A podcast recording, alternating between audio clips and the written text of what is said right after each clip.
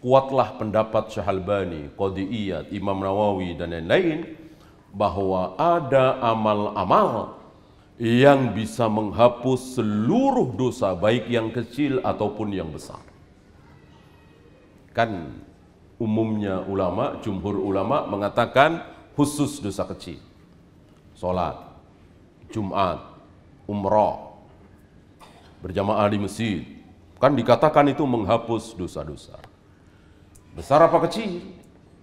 Kecil. Kecil. Ya. Nah, adapun Syahalbani, Qadi'iyat, Imam Nawawi dan lain-lain berpendapat kecil dan besar. Mana dalil? Nah, ini salah satunya. Ini salah satunya. Kemudian sholat. Jelas sekali tentang sholat. Lima waktu. Dia seperti orang yang di depan rumahnya ada sungai. Dia mandi di sungai itu sehari semalam berapa? Lima kali. Nabi bertanya kepada para sahabat, mungkinkah masih ada kotoran dalam badannya? Para sahabat menjawab, tidak ada. Dan Nabi membenarkan jawaban para sahabat. Tidak ada.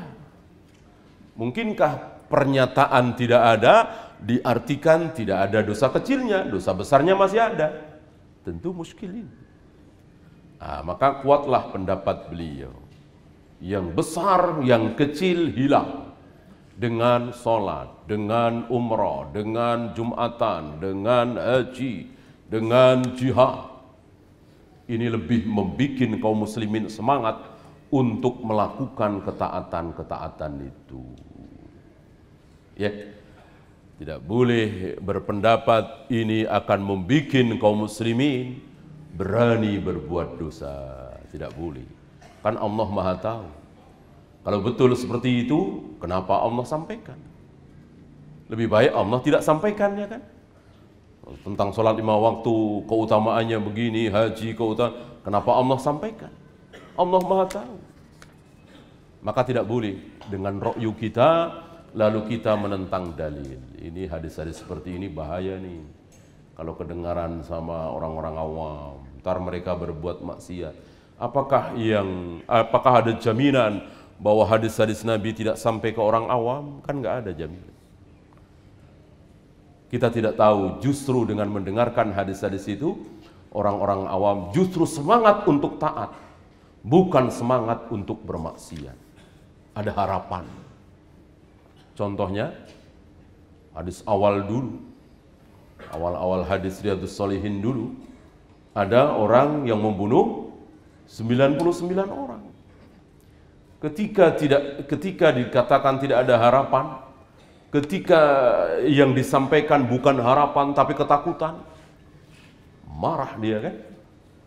Di dibunuh sekalian. Kalian seratus genap seratus ya. Uh, yang itu ahli ibadah yang menjawab ahli ibadah karena begitulah ahli ibadah bukan ahli ilmu Biasanya ahli ibadah itu akan mengukur orang dengan dengan dirinya sendiri. Orang itu diukur dengan dirinya sendiri. Beda dengan ahli ilmu. Ahli ilmu itu akan mengukur orang dengan dengan dalil, dengan qala Allah wa qala Rasul. Ahli ibadah dengan dirinya sendiri, dia bandingkan, dia ahli ibadah. Jangankan membunuh, menyakiti hati orang saja dia merasa berdosa. Ya, ini di hadapan dia ada orang mengaku telah membunuh 99 orang. Kayak apa dia rendahkan orang itu? Maka dia katakan tidak ada tobat bagimu. Tertutup pintu tobat bagimu. Marah, dibunuh sekali.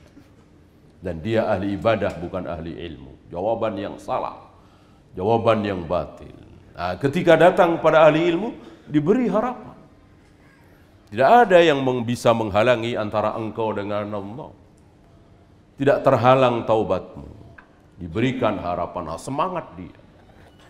Maka ketika si alim ini menyuruh dia untuk melakukan perbuatan yang berat, yaitu meninggalkan negerinya ke negeri lain yang dia tidak kenal, dia siap lakukan.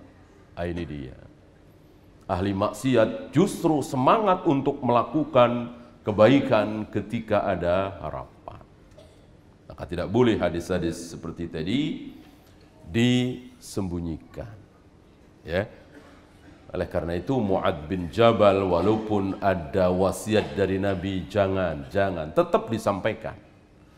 Mu'ad bin Jabal mengambil dalil secara umum bahwa ilmu yang keluar dari lisan Nabi harus disampaikan, itu dipegang.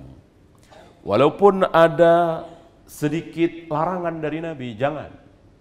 Gitu. Dan tentu Nabi tahu kalau memang secara mutlak tidak disampaikan, kenapa Nabi sampaikan kepada Mu'ad bin Jabal.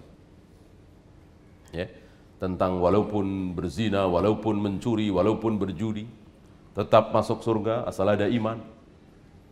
Nah, ini akhirnya disampaikan oleh Mu'ad bin Jabal. Dan akhirnya sampai ke kita semua.